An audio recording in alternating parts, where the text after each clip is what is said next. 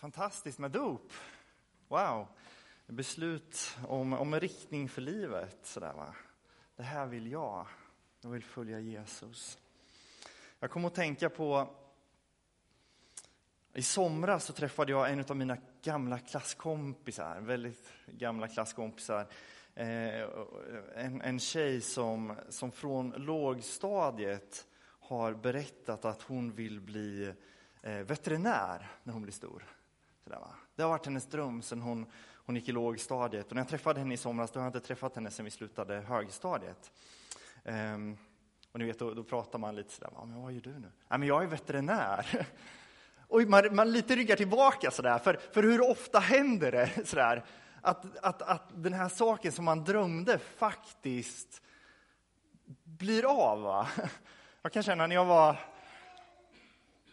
ung, så, så, så, var väl drömmen att man skulle bli brandman kanske. va? Och sen drömde man om någonting annat, eller sådär ni vet va. Och sen, det har inte riktigt gått vägen, utan erfaren, och sen hamnar man här va, det blir kontentan av det hela. Nej men ni vet så här va, just det här, ja men erfarenheten är, är väl kanske snarare att den här saken man drömde om inte slår in va så. Um, vilket bra peptalk efter ett dop. Så här. Jag var, jag var på föreläsning i, i, i, veckan, vi, har en sån här, vi träffas alla pastorer i Östergötland. Eh, och, och, och, då kom det en, en diakon och terapeut och undervisade om livskriser och sorg och depressioner och sånt där. Va?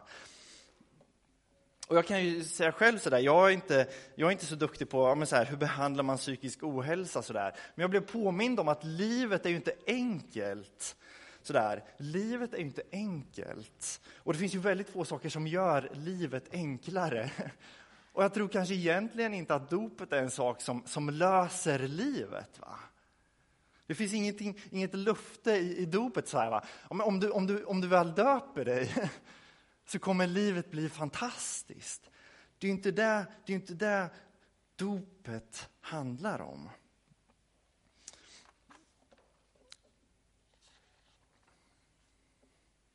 I Bibeln berättas det om när Petrus blir kallad till att bli en lärjunge till Jesus. Han står och fiskar när Jesus kommer gåendes på stranden. Och så inbjuder Jesus Petrus till att komma och följa honom. Och så står det en sak som jag har hängt upp mig på ganska många gånger. Det står att hans pappa blir lämnad kvar på stranden. Och här kan man ju tänka att pappan blir ja, men ledsen, att han vad händer nu så där? Nu var det någon som kom och tog min son. Så här, här står jag med massa fisk, så där. hur ska jag hantera det här? Men jag, jag har insett att nej, men det, det är inte där det står. Det står att pappan blir lämnad kvar för att hans son har blivit utvald. Pappan står där och är stolt. va? Hörni, fiskarkollegor, det är bara jag idag. Min son blev visst utvald, han är inte här. va? Det, det är bara jag idag som, som kör den här båten. Alltså, det är en stolt pappa. Äntligen har någon sett min sons potential. Han har blivit utvald av en mästare till att bli hans lärjunge.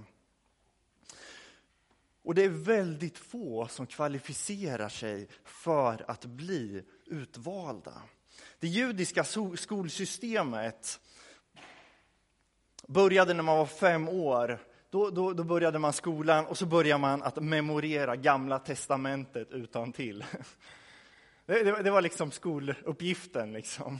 Lär dig Gamla testamentet utan till. Och sen memorerar man det. Va? Och när de blev 13 år så kunde de Gamla testamentet utan till och då, då var de färdiga i skolan.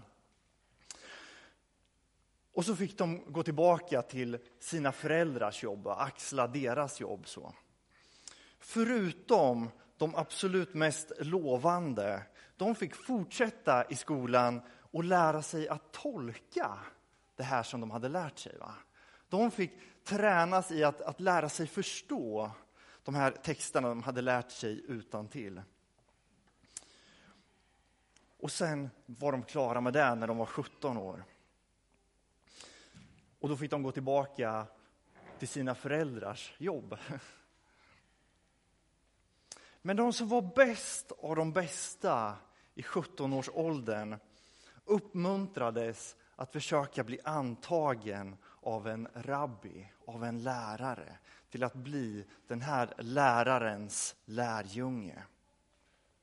Och då fick man gå till en, en lärare och så förhörde den här rabbin, den här läraren, den som sökte noggrant va, för att se hur väl han kunde reflektera och tolka skrifterna. Och väldigt sällan blev någon utvald. Men det hände att människor blev utvalda att följa en rabbi. Och då sa rabbin orden, följ mig. Du får följa mig, du får gå i mina fotspår och lära dig bli en lärjunge. Petrus hade inte blivit utvald. Han hade antagligen inte gått vidare i skolan heller, utan han hade tagit över sin, sin pappas jobb va, som, som fiskare. Och så var det nästan för alla. Det fanns ingen möjlighet till karriär. Idag är vi så vana att alla dörrar står öppna. Va? Och vi blir nästan stressade över att vi, vi, vi, kan bli vad som helst. Va? Jättejobbigt. Det fanns ett spår då, du, du blir det din pappa blir. För du blir inte utvald. Chansen att du blir utvald är så minimal. va? Var du en fiskarson, blev du en fiskare, precis som generation efter generation före dig. Men plötsligt står Jesus där och han ser någonting i Petrus. Mer än någon tidigare sett. Och så säger han, följ mig. Och det här är precis vad varje förälder önskade för sitt barn. Petrus hade blivit sedd och bekräftad. Och så under tre år så får Petrus följa Jesus. Och efter en period så blir han utvald till ledare för den här gruppen av lärjungar. Petrus, han skulle aldrig svika Jesus. Han skulle ge allt för Jesus. Men så blir situationen hårdare kring Jesus. Jesus han bryter många sociala normer i kampen för de svaga och de utsatta. Och det politiska ledarskapet måste döda Jesus för att bevara ordningen i samhället. Och så en natt så tillfångatas Jesus, han ställs inför rätta och han dödas för att den här ordningen ska bestå. Petrus, han har sagt vid ett tillfälle när Jesus säger så här till Petrus. Dit jag går kan inte du följa mig nu, men längre fram ska du följa mig. Petrus svarade, Herre, varför kan jag inte följa dig nu? Jag ska ge mitt liv för dig. Jag ska ge mitt liv för dig, Jesus. Då sa Jesus, du ska ge ditt liv för mig. Sannerligen, jag säger dig, tuppen ska inte gala förrän du tre gånger har förnekat mig. Så blev Jesus tillfångatagen och Petrus följde på avstånd. Han smög sig närmare, men så blev han igenkänd. Va? Det är ju du! Du är ju en av dem som följde Jesus. Du är ju hans lärjunge. Nej, nej du misstar dig. Jag, jag är inte jag är inte någon, någon lärjunge, jag, jag känner inte den mannen. Och så får han samma fråga igen. Och så förnekar Petrus att han känner Jesus tre gånger. Och till slut så går tuppen och Petrus minns Jesu ord. Vad gör man då? Vad gör man när allt man levt för plötsligt raseras? När den här mannen jag har blivit utvald att följa plötsligt dör. Och jag som lovade att jag skulle dö med honom, jag har förnekat honom tre gånger. Vad gör man då? Jag är lite av en drömmare. Jag tycker om att drömma. Jag tror att, jag tror att drömmar är något av det viktigaste i livet. Jag tror att, att drömma är en av de främsta kristna praktikerna. Att drömma om en annan värld, att drömma om ett bättre liv, att sätta, sig, sätta sitt hopp till någonting annat för någonting större. Jag tror att det är avgörande mänskligt att drömma drömmar. Och jag tror att vi allihopa har haft drömmar för våra liv. En av mina drömmar var att jag skulle bli artist. Så jag tog sånglektioner och jag dansade alla möjliga danser för att jag en dag skulle kunna lyckas. Va? Eurovision, det var inget man tog lätt på. Det var ju liksom, man kollar hela sändningen. Liksom. Det gjorde jag inte i år. Så. Ehm, men jag lyckades aldrig. Tvärtom så fick jag en sjukdom på stämbanden så jag var tvungen att vara tyst på obestämd tid. Så under 24 dagar innan jag fick träffa den här experten så sa jag ingenting. Jag gick runt med lappar i skolan. va.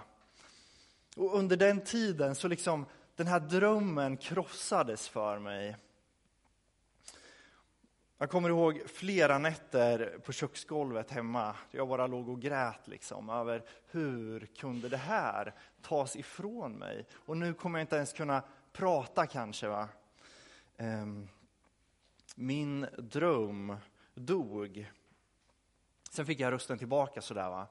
Men det hade redan lämnat mig. Jag, hade, det hade tvingat mig att reflektera och det, det fanns mycket gott i det också.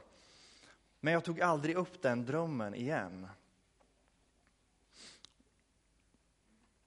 Och jag tror att vi allihopa har med oss drömmar som har krossats. Va?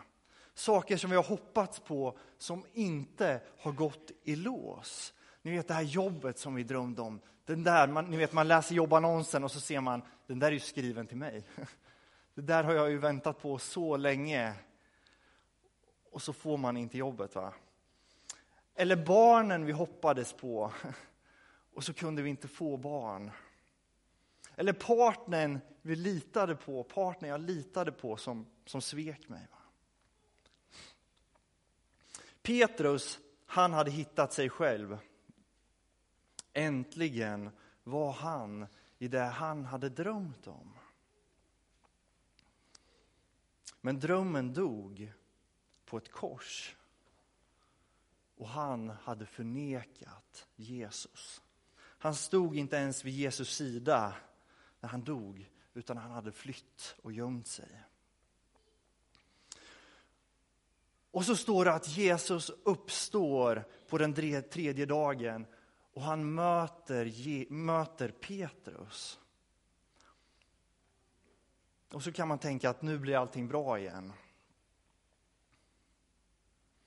Men vad gör Petrus? Han går tillbaka till att fiska. Det finns ingen plats för mig i den här historien. Han söker tillbaka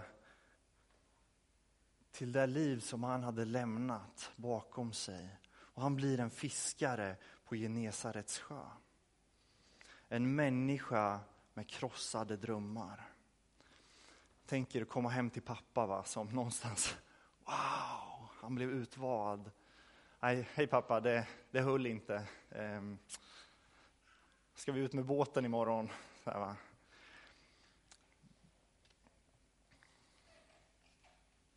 Att drömma är att se bortom det som är. Att våga hoppas på någonting bättre. Men det kostar att drömma. För den här världen är inte alltid på våran sida. Människor drömmer och hoppas, men möter misslyckanden. Och det är svårt att leva med sina misslyckanden. Hur skulle Petrus kunna leda gruppen? Han som hade lovat att han skulle dö med Jesus men istället förneka Jesus. Och frågan till oss blir, vilka drömmar har vi drömt som har krossats? Va? Och vad har de här misslyckandena gjort med oss? Under fyra söndagar så läser vi Johannes evangeliet tillsammans.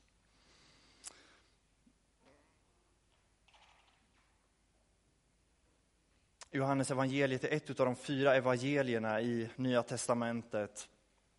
Och man tror att när Johannes skrev det här evangeliet så kände han till i alla fall Markus och Lukas evangeliet som är skrivna tidigare. Och då kan man ju tänka så här, ja, men vad tar en författare upp som känner till, alltså hur kan han komplettera den här bilden av Jesus som redan är berättad? Vad lägger Johannes vikt vid? Och en sak han tar upp är just att misslyckanden formar våra liv. Det är bara i Johannes evangeliet som Petrus går och fiskar efter sitt misslyckande. Han förnekar Jesus i alla evangelier, men det är bara här man får följa Petrus efter förnekandet. Varför tar han med det? Jag tror att det är avgörande för våra liv att förstå att misslyckanden gör någonting med oss. De riskerar att styra våra liv så att vi slutar att våga drömma och våga hoppas. Va? Om ni har gått igenom någon sån riktigt tuff period så vet ni vad det, vad det gör med er. Va? Ni vet när man, när man känner att ja, men livet blir helt plötsligt bara att orka ta sig upp ur sängen. Ställa fram mat och, och gå och lägga sig. Och, och klarar man det så, så, är det en bra dag. Va? Drömmarna försvinner. Jag kommer aldrig gå igenom det där igen. Petrus gav sitt liv till Jesus. Wow, den här riktningen vill jag ha för mitt liv. Och i tre år så stod han ut med väldigt mycket. Människor som hatade Jesus, när de blev utsatta och utpekade. Va? Men hans hjärta krossades när han svek sig själv.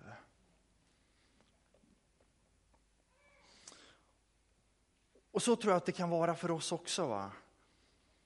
Vi har försökt drömma, älska och hoppas. Men en del av oss bär fortfarande djupa sår som formar våra liv. Petrus upplevde en kallelse från Gud, men han svek den. Han upplevde att han hade en plats i den större berättelsen, men han svek den. Så vad händer?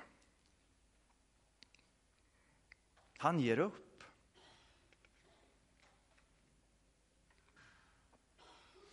Han ger upp.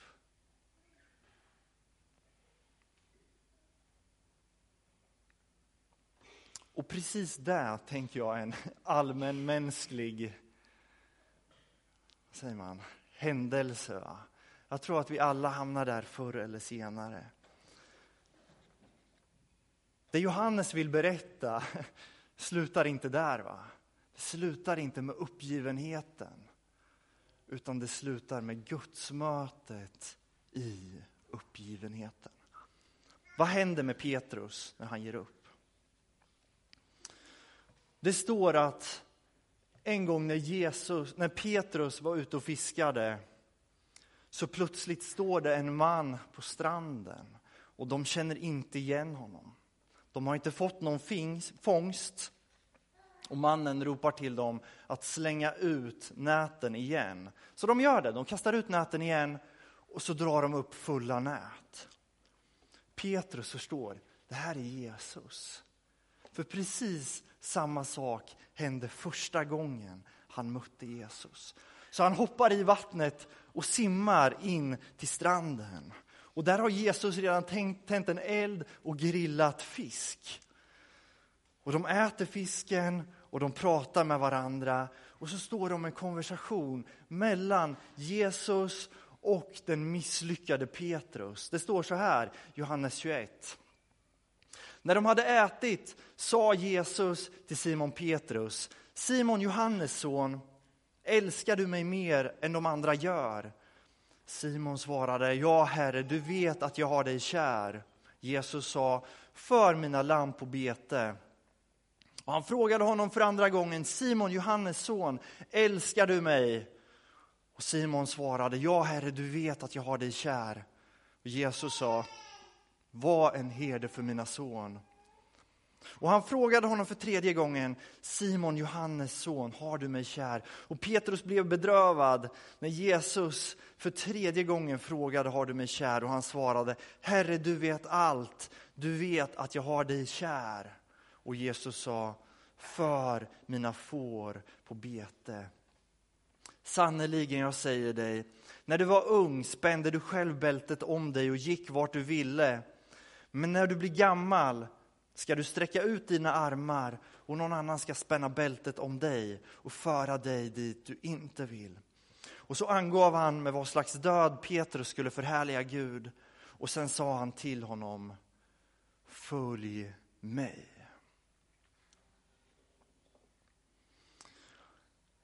Vad gör Jesus i mötet med Petrus? Han ställer en fråga. Älskar du mig? Älskar du mig Petrus? Vad är ditt hjärta fyllt av? Vad vill du leva för? Petrus svarar, ja Jesus, jag älskar dig. Och då ger Jesus sitt fulla förtroende tillbaka till Jesus. Var en herde för mina får. Var en ledare bland mina lärjungar. Och Jesus ställer frågan igen.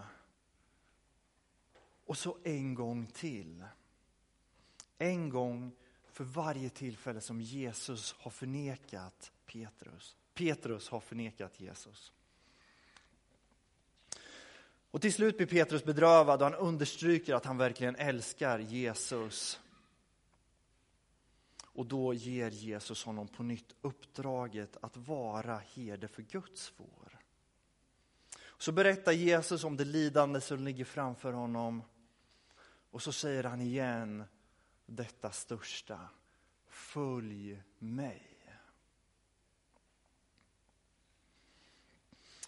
Vad hade du sagt till Petrus om du var Jesus?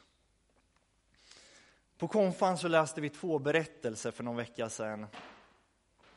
En buddhistisk berättelse från 200-talet ur, ur Lotus Sutra, en av de här viktiga texterna inom hela, den, ja, hela buddhismen egentligen. så. Som handlar om hur en son lämnar sin pappa i uppror och hamnar i en riktigt tuff situation. Och hans pappa går runt och söker sin son i 50 år. Och efter 50 år så har den här pappan blivit välbärgad. Och där hittar han sonen, men sonen känner inte igen pappan. Så pappan beordrar sina vakter att hämta sonen så att sonen kan jobba för fadern. Och så tvingas sonen bli en städare hos fadern. Och så jobbar sonen i 20 år utan att få veta vem den här herren är som har tvingat honom att vara städare. Va? Till slut blir pappan sjuk. Och då inser fadern, ja, men nu, måste jag, nu måste jag steppa upp, nu måste det snabba på här lite i processen.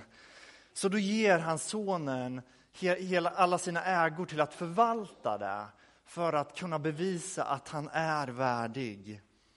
Och sonen förvaltar väl. Och då ger fadern sig till känna. Du är min son. Och jag kan tänka att det är egentligen en ganska rimlig berättelse. Va? Om, om någon gör någonting väldigt dumt så måste du förtjäna att komma tillbaka. va? Gör du något riktigt dumt så är det inte bara att komma tillbaka och du har återställt förtroende och allt vad det är.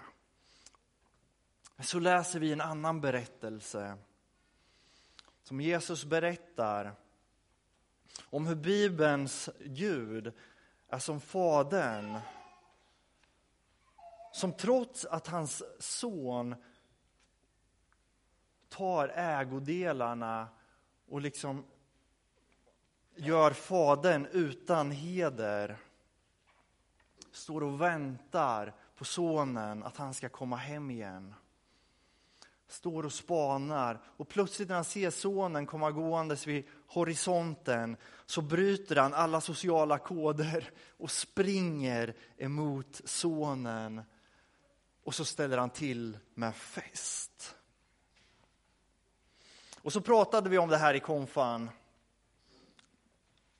Hur ofta måste man inte bevisa sig värdig för att förtjäna någonting? Men Bibelns berättelse är att Jesus bjuder med oss trots att vi inte är perfekta. Som någon har sagt, Jesus älskar dig inte för den du är, utan trots den du är. Trots att du gör dumma saker, är självisk, egoistisk, blir arg, agerar för det onda. Så älskar Jesus dig. Och det är kärnan i den kristna berättelsen. Och det här når såklart sin fullkomning på korset, där Jesus iklär sig mitt straff. Där han tar ditt straff på sig. Han möter Petrus. Vad säger han till Petrus? Inte nu måste du visa dig värdig. Det här var inte bra Petrus. Det här var inte bra. Jag ger dig tre år så kan du försöka visa att du bättrar dig. Nej, han säger Petrus, älskar du mig? Följ mig. Följ mig. Samma kallelse som kristna har fått som alla människor har fått i alla tider. Och här tänker jag att dopet är fantastiskt. Ni är grymma som har döpt er idag. Jag tycker det är fantastiskt. Det är ett beslut, va? Det här vill jag att mitt liv ska handla om. Ja, men den här riktningen, hitåt, vill jag röra mig åt.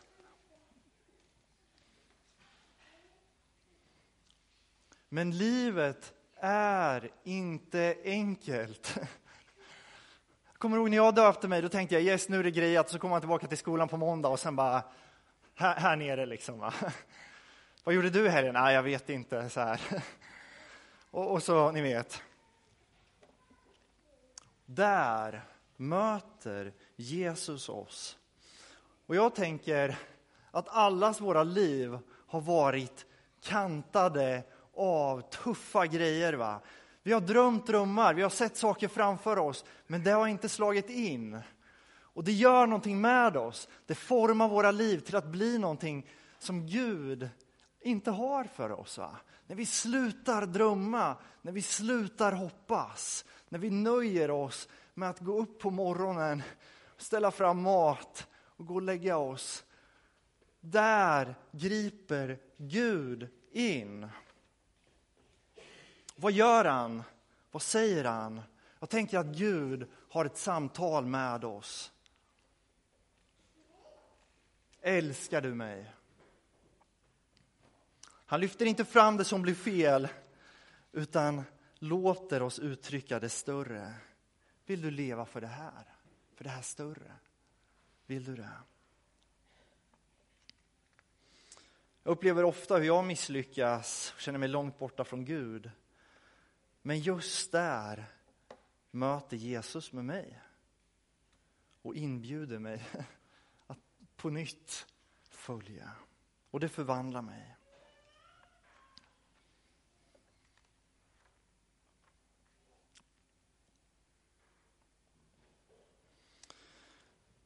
Fantastiskt att ha dop för er skull, men jag tänker att det blir också en påminnelse för våran skull. Va? Ja, men en dag var det jag som döpte mig.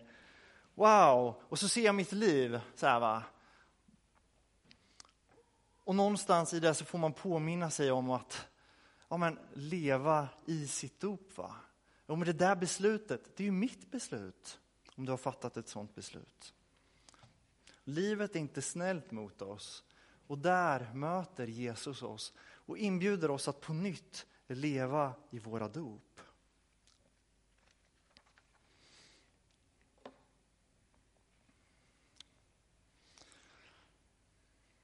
Kanske kommer vi aldrig in i matchen igen.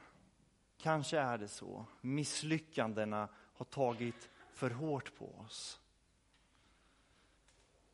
Men det är inte Bibelns Gud som avslutar berättelsen där.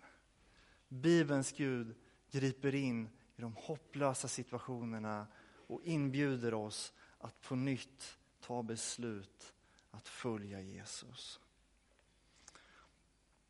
Vi ber tillsammans. Tack Jesus för det vi har fått vara med om idag, Herre. Tack Jesus för att, att fler människor idag än någonsin tidigare i historien lägger ner sina liv för att följa dig Jesus. För att människor har fått möta dig, fått möta den kärlek som du är. Tack Jesus för att du ger mening och riktning för våra liv, Herre. Tack för det, Herre. Och Jesus, du ser att livet är inte alltid på våran sida. Livet är tufft, Jesus. Men tack Gud för att du inte är en Gud som sitter och betraktar oss på avstånd och tycker att vi är dumma, dåliga människor. Utan du är en Gud som möter oss mitt i våra misslyckanden och på nytt låter oss komma tillbaka till dig Jesus. Tack Jesus för att det är sanningen om våra liv. Inte våra misslyckanden, utan att du tror på oss. Och Jesus, jag ber att det livet har varit oschysst, där ska vi få möta dig Jesus. Jag ber om det Herre. Där livet inte har varit på våran sida, så vill vi inbjuda dig Jesus till att möta med oss och kom och tala till oss Jesus. Jag ber om det i Jesu namn. Amen. Och vi ska göra så att, att vi kommer sjunga lite lovsång, möjlighet att tända ljus i ljusbärarna. Jag kommer sitta nere i, i hörnet där nere, om det är okej. Okay. om någon skulle vilja ha, ha förbön för någonting speciellt så. Um. Men Jesus är på din sida, ta med det. Jesus är inte emot dig, han är för dig. Amen.